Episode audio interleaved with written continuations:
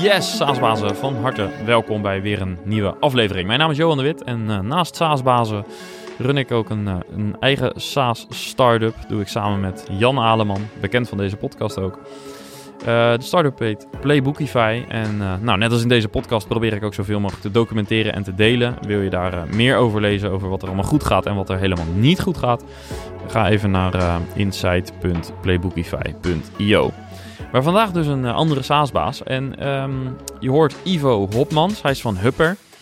En hij praat over zijn lessons learned en dan vooral wat hij als founder heeft moeten leren en afleren om het bedrijf naar de huidige omvang te loodsen. Uh, 30 mensen en 200 klanten bijvoorbeeld. Maar eerst een korte update van onze sponsor Leadinfo. Want met Leadinfo zie je precies welke bedrijven er op jouw website zitten. En zo kijk ik zelf elke week even een paar keer om te zien uh, nou, welke bedrijven onze website bezoeken. En dat levert regelmatig waardevolle interacties op. Want zo kijk ik even welke bedrijven uit onze sales funnel bijvoorbeeld op onze website zitten en welke pagina's zij bekijken. En dat helpt natuurlijk bij de follow-up. Goed, uh, als je het zelf wilt proberen, leadinfo.com slash saasbazen kun je het gratis testen. Ja, en dus uh, nu tijd om naar het gesprek met Ivo te gaan. Enjoy!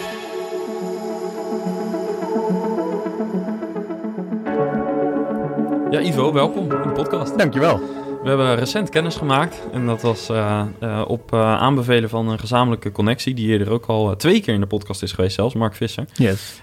vandaag Hupper, jouw bedrijf in de podcast. Ja. Um, kun je ons even kort schetsen wat jullie precies doen? Welk probleem lossen jullie op? Zeker. Wij zijn een, een online platform en wij helpen organisaties eigenlijk met hun groei. Um, dus we zijn een leerplatform, een academy.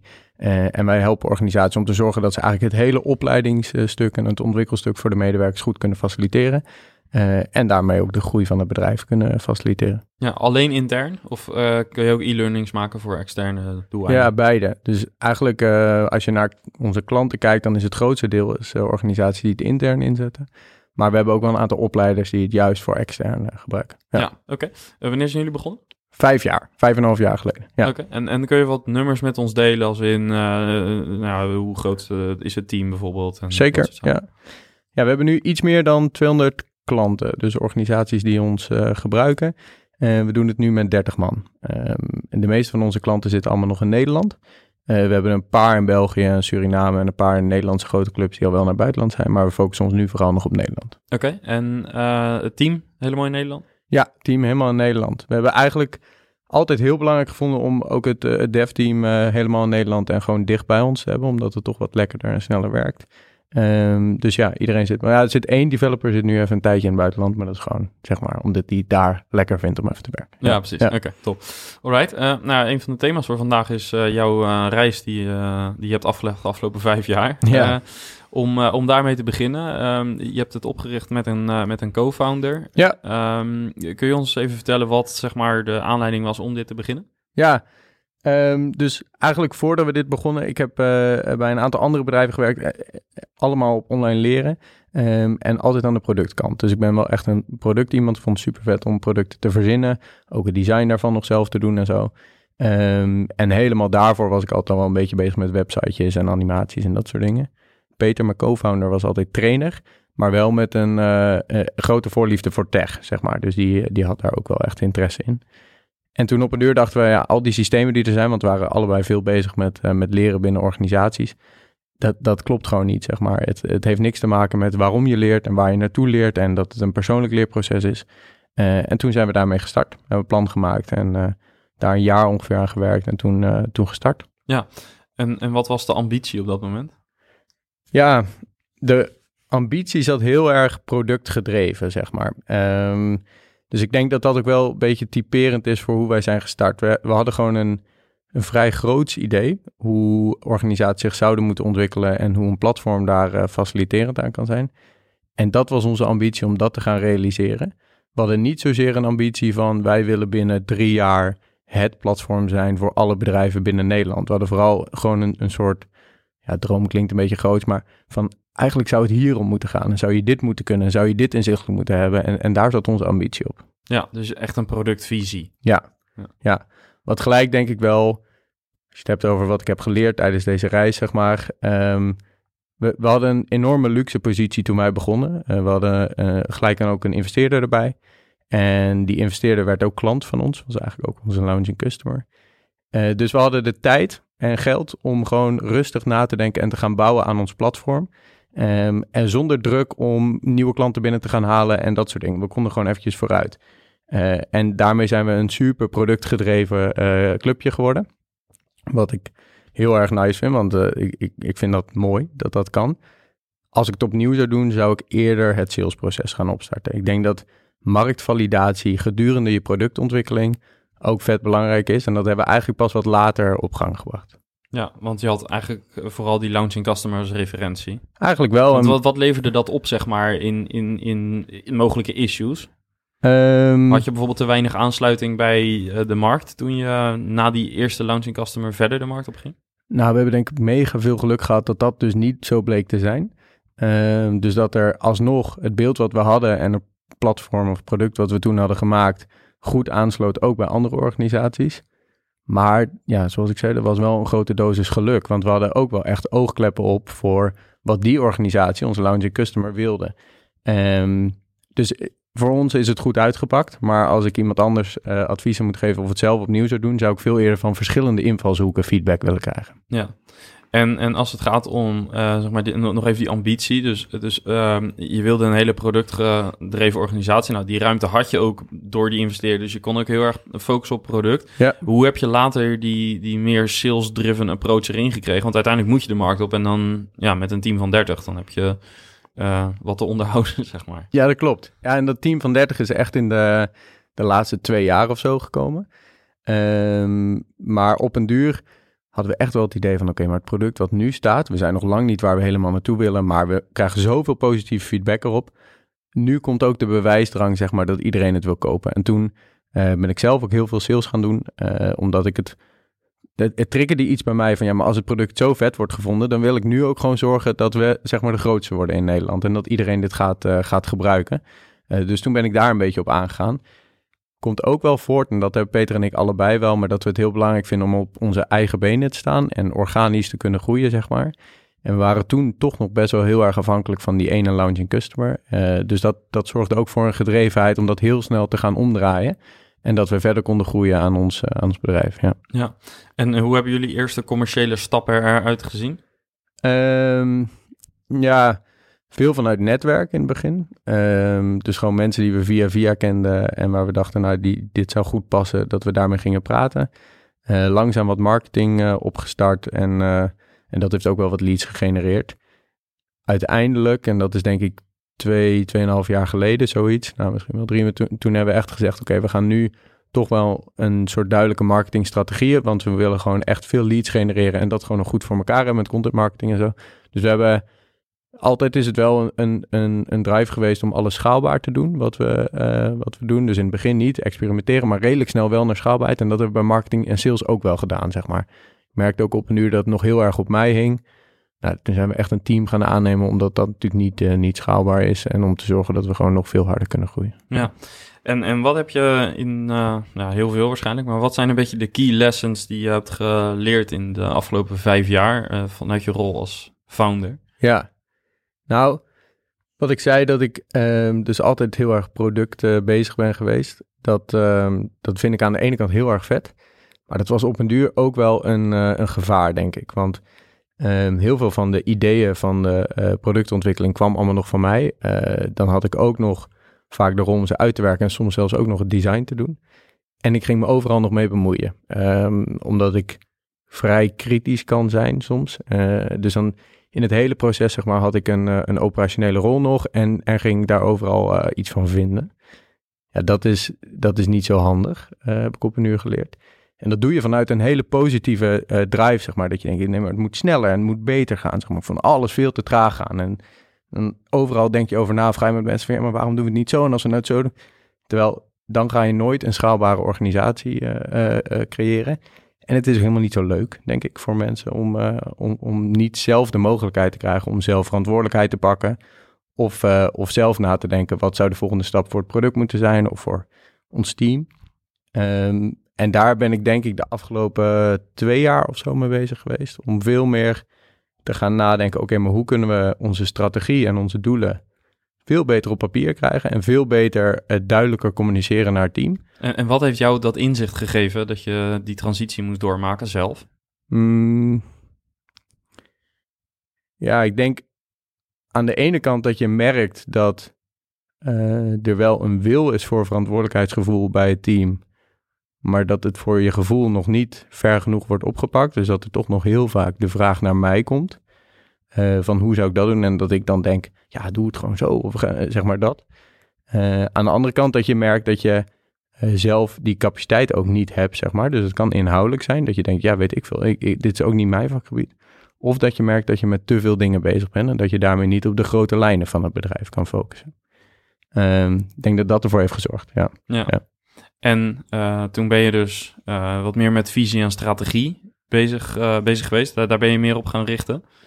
Um, kun je ons vertellen over hoe je dat in die fase hebt overgedragen naar je team en wat heb je dan precies anders ingericht? Ja, dus daar zitten we ook nog wel voor een deel in. Dat is echt nog niet iets uh, wat, wat klaar is, denk ik. Maar een belangrijke eerste stap is sowieso veel opener gaan communiceren over um, hoe het gaat, waar we naartoe gaan, wat we gaan doen.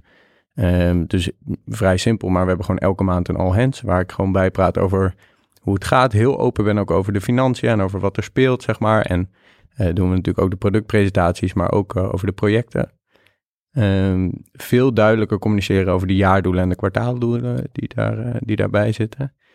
En de fase waar we nu heel erg in zitten, is dat we echt een soort leadership team aan het vormen zijn. we zitten rond de 30 man, dus dat is ook een beetje de fase dat de teampjes echt teampjes worden, zeg maar. Dus dat er meerdere mensen zijn. En, um, en nu met de mensen die daar dan de lead van het team zijn, hun gaan helpen, zeg maar. Van oké, maar als dit de doelen zijn, hoe gaan we dan zorgen dat wij of jij dat met je team gaat behalen, zeg maar. En dat ik probeer dat de lessen die ik heb geleerd in de laatste jaren, uh, dat ik die ook weer aan hun kan overdragen. En ze kan helpen om eigenlijk een supergoeie teamlead te worden. Ja. En hoe heb je het ervaren om de dingen wat meer los te laten? Ja, uh, dat is super moeilijk. Uh, super moeilijk en ook wel vervelend soms omdat je in het begin, um, zeker dus in die beginjaren, heel erg het idee hebt dat het dan misgaat of zo. En, uh, en dat, je, dat je moet ingrijpen omdat anders uh, nou, het bedrijf misschien wel naar de kloten gaat of dat soort dingen. Um, wat natuurlijk niet waar is. Je hebt gewoon eerder last van je ego, zeg maar dan, zou je zo kunnen zeggen. Omdat het, nu weet je dat het juist heel goed kan zijn als je de kaders goed hebt gesteld, zeg maar, voor de teams kan het juist heel goed zijn om soms je helemaal afzijdig te houden. En dat het misschien even met een omweg of misschien zelfs helemaal misgaat, maar uiteindelijk corrigeert dat wel. En dan is het leereffect veel groter, zeg maar. Maar dat vond ik in het begin heel moeilijk. Ik heb ook wel uh, bijvoorbeeld in de, de sprints en zo bij ons, bij het development team, ik denk een jaar of drie geleden of zo, echt heel bewust de keuze gemaakt om daar niet meer bij te zijn. Omdat ik, ja, ik was die vervelende vent die dan zeg maar midden in de sprint komt van, oh ja, dit punt moet er ook nog even bij en moet eigenlijk morgen af zijn, zeg maar. En dat, dat, dat draagt helemaal niks bij. En je denkt dat het dan heel belangrijk is, maar het is natuurlijk helemaal niet belangrijk. Jij vindt het gewoon belangrijk, maar het is niet belangrijk. Ja, ja en, en dit klinkt heel herkenbaar. ik zit in een soort gelijke fase nu. Ja, ja, ja, ja mooi. mooi uh, niet doen. Dus, ja. ja. gewoon wegblijven, niet in de weg lopen. Nee, precies. Dat is eigenlijk je advies. Ja, eigenlijk wel. Ja, ja. Oké, okay, nou die neem ik ter harte. ik hoop niet dat mijn team ook luistert. ja, nee, maar alle uh, jokes aside. Um, waar haalde jij het vertrouwen vandaan om, om uh, uiteindelijk toch die transitie door te zetten? Om, om het toch los te laten? Ja, dus wat eigenlijk het gekke is dat ik heb, voordat ik Hupper begon, uh, ben ik bij twee andere bedrijven bezig geweest met producten ontwikkelen. En daar heb ik altijd heel veel vertrouwen gekregen, zeg maar, van, de, van mijn leidinggevende dan daar. En, uh, en, en daar ging ik onwijs goed op. Want doordat ik zoveel vertrouwen kreeg, had ik ook nou, dat heel erg verantwoordelijkheidsgevoel. En, en was ik gewoon heel hard aan het werk en keihard bezig om het beste resultaat te krijgen, zeg maar. Um, dus eigenlijk, eigenlijk wist ik al wat er werkte, zeg maar. Ik wist al uh, hoe je het zou moeten doen. Alleen toch op een of andere manier in die beginfase van Huppen raakte je dat kwijt, zeg maar. Wat denk ik een, vanuit een bepaalde drive voor de visie of verantwoordelijkheidsgevoel komt. Maar op een duur had ik dat besef van, hé, hey, maar dit werkt niet. En trouwens, je hebt dit zelf ook zo ervaren. Dus geef mensen gewoon veel meer vrijheid en verantwoordelijkheid. En zorg dat je heel duidelijk communiceert over waar je naartoe gaat en waarom. Um, En, en als je dat zeg maar duidelijk kan uitleggen, dan gaat de rest ook goed. Ja. Ja. En, en wat heb jij gedaan om het, eh, de, je teamleden ook het vertrouwen te geven? Welke omstandigheden heb je geschept bijvoorbeeld? Ehm, ik denk dat Peter en ik allebei heel eh, open zijn, zeg maar, naar het team. En dat krijgen we gelukkig ook wel, wel terug in de, de, de feedback cycles en zo die we doen. Maar dat we het heel belangrijk vinden dat we niet alleen maar gewoon een, een plek zijn waar je werkt, maar dat je ook gewoon super fijn daar voelt en het gevoel hebt dat je jezelf kan ontwikkelen en dat je ook kan vertellen als het even niet gaat of als je even iets niet weet, zeg maar. Ehm, dus dat draagt denk ik heel erg bij. Eh, en daarnaast ook mensen, zeg maar, binnen de kaders die we stellen. En, maar de kaders zijn heel hoog over. Hè? Dus dat is gewoon, dat gaat over eh, gewoon de totale visie van het bedrijf en de, en de omzetdoelstellingen en dat soort dingen. Maar om daarbinnen al heel snel de teams te betrekken bij, oké, hoe gaan we dit doen? Eh, dat het een gezamenlijk eh, doel wordt, zeg maar, in plaats van dat je taakjes gaat opleggen. Ja. En, en kun je ook momenten herinneren uit de afgelopen jaren dat je merkte dat eh, dat kader misschien te ruim was of dat bepaalde verantwoordelijkheden niet genomen werden? Ehm, en, en, zo ja, hoe heb je daarop ingespeeld? Mm, ja, even denken. Ik, ehm, ik denk dat een, een issue wel eens is geweest dat, eh, dat de, de, zeg maar, het doel waar wij naartoe gingen, dat ik dat heel helder in mijn hoofd had. Van oké, we gaan, we willen dit platform zijn en voor deze doelgroep en zo en zo gaan we dat doen. Maar dat ik niet in staat was om dat supergoed uit te leggen, zeg maar, aan het team. Dus dat voor mij dan bepaalde keuzes, productkeuzes of, of keuzes binnen de groei van het bedrijf heel erg logisch waren. Omdat ik het kon ophangen aan het doel, zeg maar, vijf stappen verder. En dat ik dan mezelf kon verbazen over het feit dat het team dat niet begreep. Terwijl als ik dan, zeg maar, s'avonds of weet ik wat daarover na ging denken, dan dacht ik, ja, maar shit, zeg maar, ik hang het daaraan op, zeg maar, vijf stappen verder. Maar ik heb nooit verteld wat die stappen daartussen zijn en zo. Dus tuurlijk eh, is dat niet logisch. Dus dat was voor mij wel, dat is een paar keer gebeurd, was echt wel een bewustwording van, oké, je moet veel beter worden in, eh, in, in kader stellen en uitleggen waarom we ergens naartoe gaan en wat dan het doel is. is ook veel leuker eigenlijk om te doen. Eh, omdat juist het feit dat iedereen gaat meedenken, hoe gaan we dat bereiken, dat, dat, dat zorgt voor een gezamenlijke drive en, en dingen. Daarnaast heb ik ook wel eens bij feedback cycles ook wel eens gewoon letterlijk de feedback gehad van je zit overal nog in, zeg maar. Je bent in elk operationeel proces ben je nog. Probeer dingen wat meer te delegeren, want dit lukt niet, zeg maar. Hè? Dus dat zelfs uh, teamleden ook wel zagen dat ik mezelf misschien een beetje aan het overlopen was daarin. En dat ik uh, uh, nog bij veel te veel zaken aan het proberen was om mee te denken of me ermee te bemoeien, om het negatief te zeggen.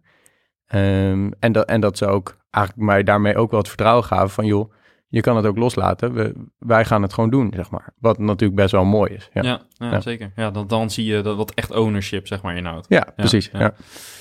Okay, um, en en um, ja, waar ik benieuwd naar ben, um, is, is je bent dan meer op zoek gegaan naar manieren om uh, dat kader en die visie te delen. Heb je daar nog bepaalde tips voor, voor de luisteraar? Of, of heb je bepaalde dragers of middelen? Doe je dat visueel? Doe je dat via OKR's? Doe je dat uh, met presentaties? Uh, ja, wat, wat, wat heb je daar geleerd? Wat werkt? Ja, um, nou dus die all-hands presentaties, zeg maar, of die, die, die monthlies, die zijn heel erg belangrijk daarin. En de uh, all-hands is dan voor iedereen, dus daar ook terugpakken naar, oké, wat is ook weer onze missie en wat zijn we daar allemaal in aan het doen? Uh, dus dat is denk ik een hele belangrijke. Want dan maak je het ook gewoon uh, dan, dan, ga je het eigenlijk elke maand van het hoge doel heel tastbaar maken van ja, en om dit te bereiken zijn we nu dit en dit aan het doen en dit, dit zijn de acties die we daar met z'n allen in aan het doen zijn. Dus dat is denk ik de, tot nu toe nou, misschien wel de beste stap geweest. Zeg maar. en, en, presenteer je daarin het besluit dat je genomen hebt of uh, is het meer dat je daar met elkaar nadenkt over wat zeg maar de schakel is tussen je, nou ja, de missie en de productbeslissingen die je bijvoorbeeld voor die maand gaat nemen? Um, ik denk dat het meer vertellen is, maar niet zozeer alleen maar vanuit mij, zeg maar. Het zijn ook de teams zelf die daarin vertellen van, nou, we zijn okay. dit en dit aan het doen. Of zijn, uh, uh, en we proberen dat wel altijd aan, aan, zeg maar, dat ik het weer aan het grote plaatje ophang. Maar als bijvoorbeeld marketing aan het vertellen is over, uh, of iets wil zeggen over welke nieuwe strategie ze hebben, of, of, of de cijfers van die maand en hoe dat zo komt, ja, dat ga ik niet vertellen. Dat moet ze zelf doen, zeg maar. Dat, dat is veel, veel nicer. Hetzelfde voor product. Um, uh, dus dat is een hele belangrijke. OKR's hebben we ook geprobeerd, twee jaar geleden geloof ik. Was veel te vroeg voor ons. Ehm, ik, ik denk dat we toen nog veel te klein waren. Ehm, waardoor de gedragenheid van OKR's heel lastig werd. Dan werd het echt een feestje vanuit mij en vanuit Peter, zeg maar. Wat gewoon niet werkt met OKR's. Dat, dat moet niet iets opgelegd eh, zijn, zeg maar. Dus dat, ehm, daar zijn we eigenlijk weer mee gestopt. Ik verwacht dat we dat, als we weer iets verder groeien, wel weer een keer iets soortgelijks gaan oppakken. Want ik vind het, de, de methodiek, zeg maar, de theorie erachter wel erg fijn. Uh, maar nu stellen we gewoon kwartaaldoelen. En, uh, en die bespreken we met elkaar. En dan gaan we met elkaar nadenken over hoe we dat doen. Dus dat, ergens ligt dat ook in lijn van elkaar. Maar precies. het is iets minder de theorie, zeg maar. Ja, ja misschien ja. iets minder formeel. Ja, maar. precies. Ja, ja, okay. Interessant. Um, en, want, want wat merkte je in het team dan? Als je, uh, waren zij minder enthousiast of waren ze niet engaged? Waren ze niet mee bezig? Of? enthousiast wel, zeker in het begin. Maar werd te weinig gedragen. Het was... Het was ik denk ook dat in zo'n groeifase, zeg maar, dus toen waren we denk ik met 15 man of zo, zoiets, 15 tot 20 man, dan, dan is iedereen zo knijten hard aan het werken. Nu nog steeds, maar ja, dat, dat, dat werkt dan niet om ook nog eens even OKR's die allemaal moeten worden uitge, uh, uitgedacht, zeg maar, en uitgeschreven. En, en uh, dat, dat, dat ging gewoon niet. Nou. Okay. En uh, nou, we hebben een beetje geschetst wat je in de afgelopen jaren als, als leider hebt moeten ontwikkelen om, om te kunnen staan waar je vandaag staat. Ja. Wat, wat staat er um, voor jou voor de komende, nou, laten we zeggen, twee, drie jaar hoog op de agenda om, om jezelf verder in te ontwikkelen, om de ja. volgende groeifase aan te kunnen? Um, nou, een heel belangrijk ding nu dus is dat leadership team en gewoon zorgen dat uh, de structuur van het bedrijf zeg maar goed staat en dat, dat alle teams uh, goed kunnen functioneren zonder dat ik me daar operationeel mee bezig moet houden. Omdat ik het voor mezelf heel belangrijk vind dat ik veel meer met de grotere lijnen bezig kan zijn. En ik wil veel liever een faciliterende rol hebben, zeg maar. Dus dat ik kan meedenken met de teams uh, vanuit het idee wat ik heb voor het product of voor het bedrijf. Of dat ik ze kan helpen om betere leads te worden. In plaats van dat ik echt nog operationeel moet meedenken in hoe ga ik die aansturen. Of hoe gaan we dit doen of hoe gaan we dat doen, zeg maar. Uh, dus dat is wel een belangrijk doel. Uh, eigenlijk voor dit jaar zou ik dat graag, uh, graag doen. Meer coachen. Ja, een beetje hekel aan dat woord. Maar ik, ik wil gewoon... Um, ik, ik wil mezelf operationeel minder belangrijk maken, zeg maar. Ik denk dat het totaal niet schaalbaar is als ik daar nog heel veel, heel veel in doe. Uh, en ik denk ook dat er mensen zijn nu al binnen onze organisatie die veel specialistischer zijn en, en veel meer kennis hebben daarvan, zeg maar maar die gewoon moeten worden geholpen om op de goede plek, of de kans moeten krijgen om de goede plek, zeg maar, voor zichzelf te claimen. Uh, dus dat is een leuke uitdaging voor nu. Vind ja. ik ook echt oprecht een heel vet proces om te doen. Uh, ja. ja. ja. Je hebt hekel aan het woord coachen. Nou ja, dat is zo. Het, ja. Kijk, ik zie mezelf echt niet als, uh, als een hele goede coach of zo, zeg maar. En, en, en dat, mensen hebben daar soms de neiging om zichzelf allemaal coach te noemen en zo. Dus daarom uh, sla ik daar misschien een beetje op aan. Kijk, mensen gewoon helpen vanuit de ervaring die ik heb, dat vind ik heel vet om te doen. Maar ik zal niet, je zal me niet gauw horen zeggen, ik coach mijn medewerkers, zeg maar. Dat, dat okay. ga ik niet, nee, nee. Wat doe je wel? Uh, helpen waar ik kan. Uh, ja, helpen en gewoon zorgen dat we. Ik, we hebben denk ik best wel vaak gesprekken met, uh, met alle teamleden. Uh, gewoon om even bij te praten hoe het gaat. En ik, nou, ja, gewoon helpen inhoudelijk waar ik kan. Zorgen dat het duidelijk is waar we naartoe gaan en waarom. Uh, en zorgen dat we met een vet team, zeg maar, een heel vet product bouwen. Ja. ja.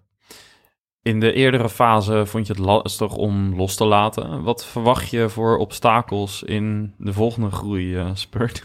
Ja.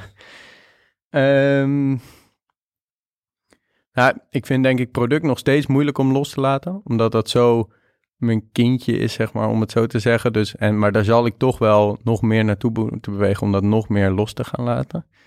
Uh, maar ik merk aan mezelf dat ik, dat, ja, dat ik me daar toch wel heel veel nog uh, tegenaan bemoei altijd. Uh, kan ook echt nog moeilijk doen over designs waar een, een, een borderradiusje niet klopt of een lijntje, zeg maar. Dat, dat vind ik soms gewoon vervelend. Al hebben we hele goede designers, maar ik vind, ja, dat, dat, dat zit er toch een beetje in of zo.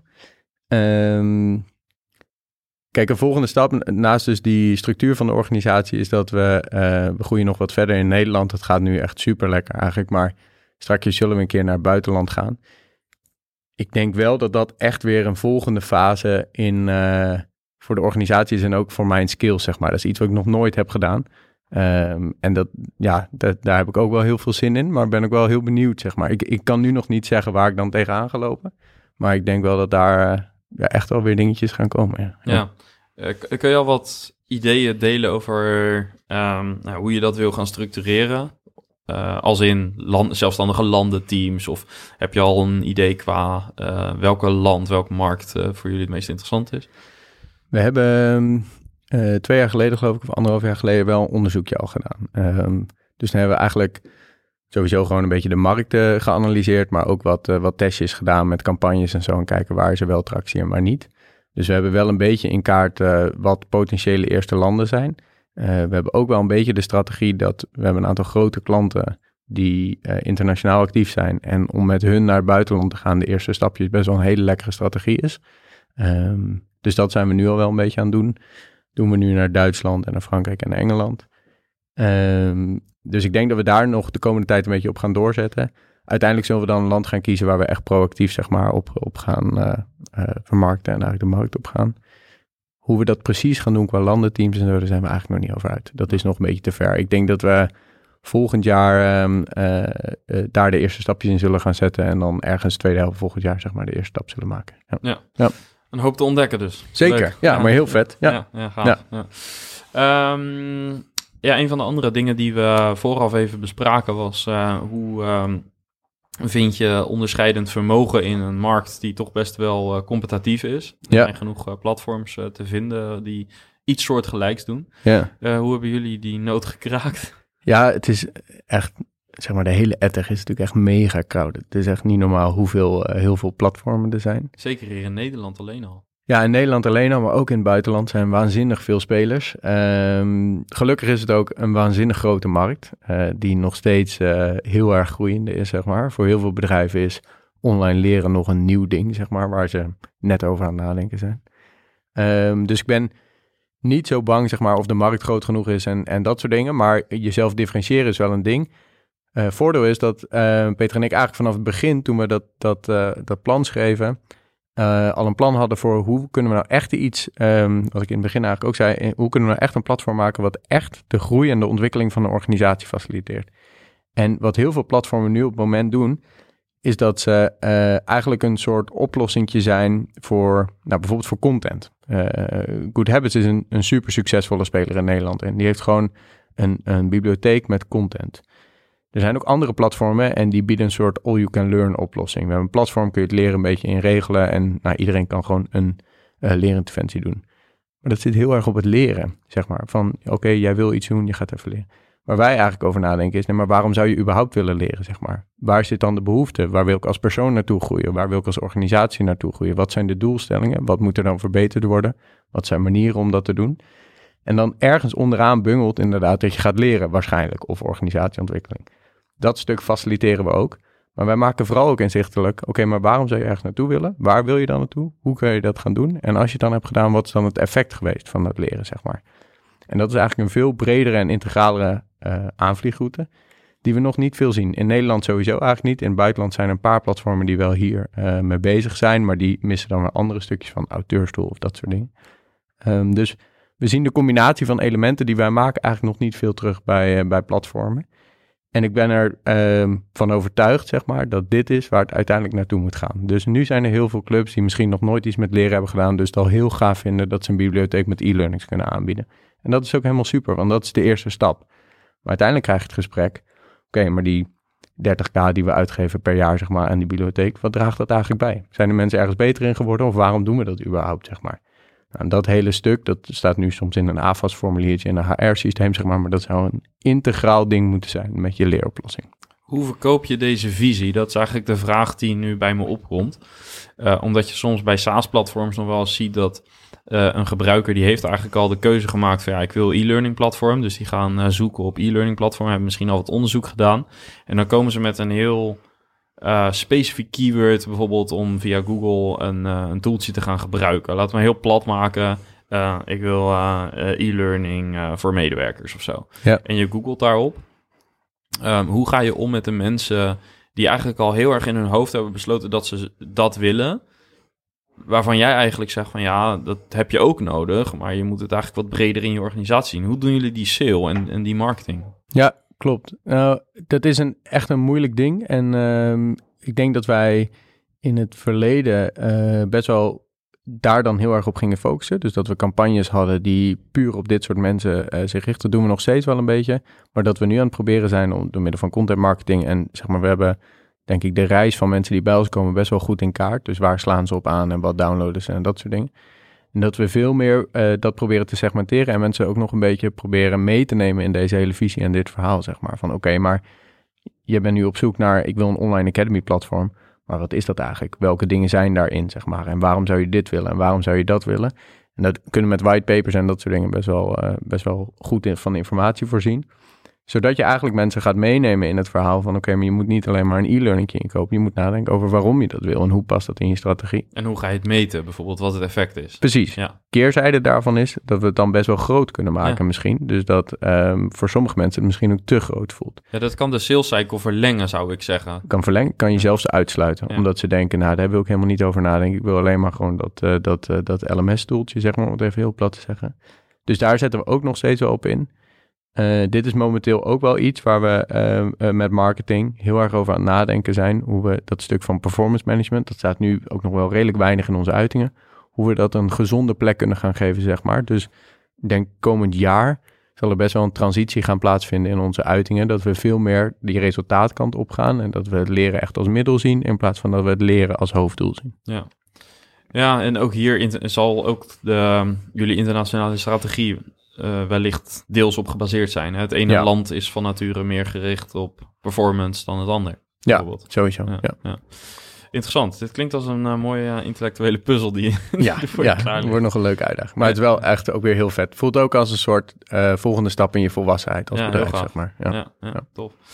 Um, ja, als je volwassener wordt als bedrijf, krijg je ook over het algemeen meer stakeholders, meer betrokken, meer vormen van stakeholders. Ja. Um, hoe manage je die? Ja, dus wij hebben um, een investeerder al sinds het begin. En uh, die is um, een tijdje geleden, anderhalf jaar geleden of zo, nog gewisseld uh, voor een wat meer institutionele partij. Uh, daar heb ik onwijs veel van geleerd, zeg maar. Ik denk dat wij in die beginjaren onwijs veel vrijheid hadden en gewoon ons ding konden doen en niet zozeer bezig waren met, oké, jaarplannen maken en budgetten en dat soort dingen. We deden wel iets, maar het was allemaal vrij losjes. Nu is dat natuurlijk anders. Nu, nu moet je gewoon aan het begin van het jaar ga je echt je budget en dat gaat echt worden. En dan heb je elke maand heb je daar ook uh, steerkoos op om daarop te rapporteren en dat soort zaken. Um, en dat heeft mij denk ik ook gedwongen om uh, veel meer bezig te zijn met de hoofddoelen, het grote plaatje, de grote strategie, zeg maar.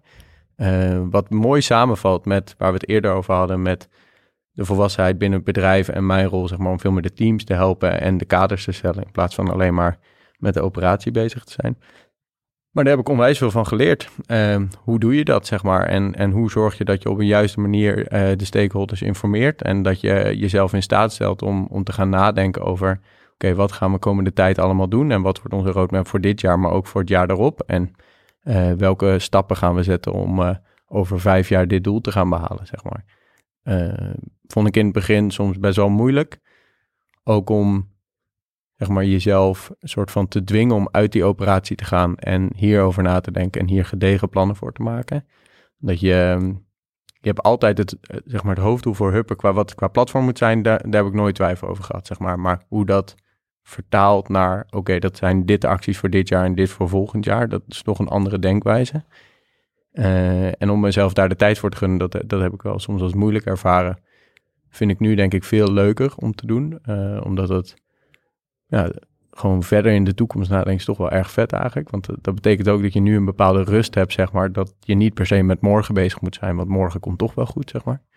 Um, en verder ook dan ja, met, met de stakeholders die er zijn, dus bijvoorbeeld aandeelhouders. Ja, hoe gaat dat proces, zeg maar? Waarom stellen ze bepaalde vragen? Ik ben aan het begin was ik echt vet zenuwachtig om die gesprekken, die steerco te doen, zeg maar. Ik dacht, ja, wat moet ik nou allemaal doen? Ik had het nog nooit gedaan. Ik had er met niemand over gehad hoe ik dat moest doen.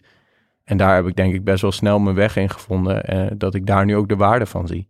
En dat ik ook veel beter in staat ben om zeg maar, hun ook in te zetten voor waar zij goed in zijn. Uh, wat is er veranderd tussen zeg maar de oude Ivo en die Nou, ik denk heel, heel simpel gezegd is dat je er eerder gewoon zenuwachtig voor bent en veel meer angstig voor wat er zou komen. Dat het voelt als een soort, misschien zelfs bijna overhoring, zeg maar. Van doe je het wel goed? Draait het bedrijf wel goed genoeg? Als een controle. Terwijl eigenlijk is dat natuurlijk helemaal niet. Het is, het is veel meer uh, gericht op, natuurlijk ook wel van, hey, we hebben dit met elkaar gepland, zeg maar, lukt dat of niet? Maar ook veel meer van, oké, maar waar ben je mee bezig? Kunnen wij nog ergens in helpen? Wij hebben misschien netwerk daar of wij hebben ervaring daar, zeg maar. ik denk dat dat de eerste twee keer of zo, twee of drie keer zat ik echt nog in die eerste. Alleen toen merkte ik best wel snel vanuit hun ook dat zij juist hun netwerk ter beschikking stelden. En gingen helpen met, oké, maar hier ken ik wel iemand voor om dat te doen. Of zou je dit niet zo doen? Waardoor die sessies nu veel leuker zijn geworden. En ik ben daar gewoon helemaal prettig en relaxed voor. Ik denk dat sowieso in die hele vijf jaar, zeg maar, je, je verandert eigenlijk van een, uh, uh, zeg maar, een, een product iemand die het heel leuk vindt om, om interfaces te designen en na te denken over functionele beschrijvingen naar iemand die bezig is met de strategie van een bedrijf en zorgen dat teams groeien, zorgen dat de aandeelhouder zich helemaal gecommit voelt in, in het geheel, zeg maar, en dat je samen kan gaan groeien. Ja, dat, dat is zo'n verschil. Dat is echt een insane reis, wat ik waanzinnig vet vind om, om gedaan te hebben eigenlijk, omdat je daar zelf zoveel van leert. Ja. Heb je ook wel eens momenten gehad dat je dacht van, uh, hier moet ik maar mee stoppen? Oh ja, absoluut. Ja, ja ik denk dat iedereen die jij hier in de podcast hebt, dat waarschijnlijk wel, uh, wel heeft gehad. Um, en dat, dat, dat kan allerlei aanleidingen hebben gehad, zeg maar. Het kan zijn dat er commercieel dingen tegenvielen of zo. Dat je dacht, ja shit, ik had echt het idee dat we nu al wel daar en daar zouden zijn. Dat het niet werkt. Of dat het toch weer wat langer duurt. Of dat, je, dat de druk je misschien soms even te veel wordt. Dat je ook wel een tijd gehad dat ik echt zo insane veel aan het werken was. Zeg maar qua avonden en weekenden. En dat je vanuit die kritische houding die ik eerder benoemde. Dat, dat kan ook iets zijn wat je een beetje gek maakt. Omdat je nooit iets goed genoeg vindt. En eigenlijk ook veel, veel te weinig aan het genieten ben van dat het eigenlijk super goed gaat. Um, dus ja, die, die momenten heb ik zeker wel gehad, ja. ja. En, en wat helpt, zeg maar, op dat soort momenten, of in het algemeen jou voort, uh, zeg maar, wat, wat is je echte drijf? Nou, ik heb sowieso best wel een grote drijf om dit gewoon tot een succes te maken, zeg maar. En die overwint denk ik tot nu toe alles. Dat ik het gewoon... Ik, ik heb heel veel vertrouwen in het idee wat we hebben. Ik geloof ook nog steeds, zeg maar, ook met alle validatie die we krijgen, dat dit echt dat we echt iets te pakken hebben hier, zeg maar. Um, maar ik vind het, zeg maar, ondanks dat ik het soms dus vervloek, vind ik het veel te leuk eigenlijk om te doen. Dus ik vind het echt waanzinnig vet om, om te bouwen aan een product en bouwen aan een bedrijf. Vind ik, vind ik een heel leuk uh, spel eigenlijk om te doen. Ja. dus dat helpt me vooruit. Ja. En, en uh, tot slot, wat doe je uh, op, op momenten, op stressvolle momenten om even te ontspannen, om eruit te gaan? Um, nou, ik, eh, we hadden het hier net al eventjes over, maar ik hou ervan om, om te varen, uh, te zeilen. Dat vind ik leuk. En ik probeer, maar ik ben niet echt een, een, een, hele grote sportman. Maar ik probeer wel een paar keer te rennen, zeg maar. Want dat helpt me ook wel uh, als ik dat een paar keer in de week doe. Um, beetje lezen, dat, ja. ja. Heb je en, nog een boekentip? nou ja, ik, we hadden het net over Building a Second Brain. Dat ben ik nu aan het lezen van Thiago Forte. En dat, dat vind ik best wel interessant, want je wij consumeren zoveel informatie en data en hoe ga je een systeem opzetten um, wat eigenlijk ervoor zorgt dat je al die informatie weer makkelijk terug kan vinden, dat je er op lange termijn iets aan hebt. Um, en ik heb laatst de, de Founders Mentality gelezen, die is misschien wel bekend, maar dat vind ik ook wel een, een, lekker boek, ja. Ik zet ze erbij in de show notes. Dat is goed. En denk nog een, een laatste tip, wat, um, waar, waar ik soms wel eens van baal dat ik dat in het begin wat minder heb gedaan. En dat is zeg maar dus uh, genieten van dingen die goed gaan en ook een beetje trots daarop zijn en zo. Dus ik was altijd super kritisch op alles en, uh, en dat je alleen maar harder moet gaan en zo. En we, hadden het in het begin hadden wij het even over de, de podcast, uh, de start-up van Gimlet. En die hebben natuurlijk dat hele proces gedocumenteerd. En er zijn ook wel mensen die bijvoorbeeld heel veel foto's en zo, dat soort dingen hebben. Dat hebben we eigenlijk in de eerste twee, drie jaar bijna niet gedaan. Veel te weinig. Nu doen we dat heel veel. We hebben een hele fotomuur met Polaroids en nou, iedereen werkt daar heel erg aan mee. En dat is zo gaaf, dat je af en toe even daar langs loopt en denkt, oh ja, dat was vet, hadden we dat gedaan. Of uh, zeg maar dat je veel meer geniet van de reis. En uh, dat, nou, dat zou ik, als ik dat opnieuw zou doen, zou ik het vanaf dag één doen. Maar dat ik het nu doe, ben ik al, of dat we het nu doen, ben ik al heel blij mee. Maar het is zo'n vet proces, dus je moet er ook gewoon soms een beetje van genieten. Ja. ja. Nou, mooie afsluiting. Ja. Dankjewel. Graag gedaan.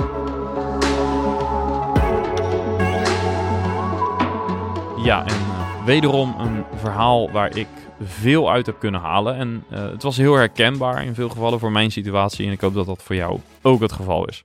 Nogmaals, uh, dank Ivo. Ja, en wil je deze podcast supporten? Heb je er uh, waarde uitgehaald vandaag of een andere keer? Um, steun ons dan met een lidmaatschap voor 300 euro per jaar. Krijg je bovendien, bovendien toegang tot al onze online meetups. Elke twee weken is er een nieuwe editie. Inclusief het volledige archief. En je krijgt korting op events. Dus zo krijg je 50 euro korting op je barbecue ticket bijvoorbeeld voor 8 september 2022. Um, want heb je je daar nog niet voor aangemeld, doe dat dan snel. Op het moment dat ik dit opneem zijn er nog een paar plekken vrij. Dus uh, ja, meld je snel aan om daarbij te zijn. En uh, nou, hopelijk ook uh, weer tot volgende week in deze podcast. Bye bye.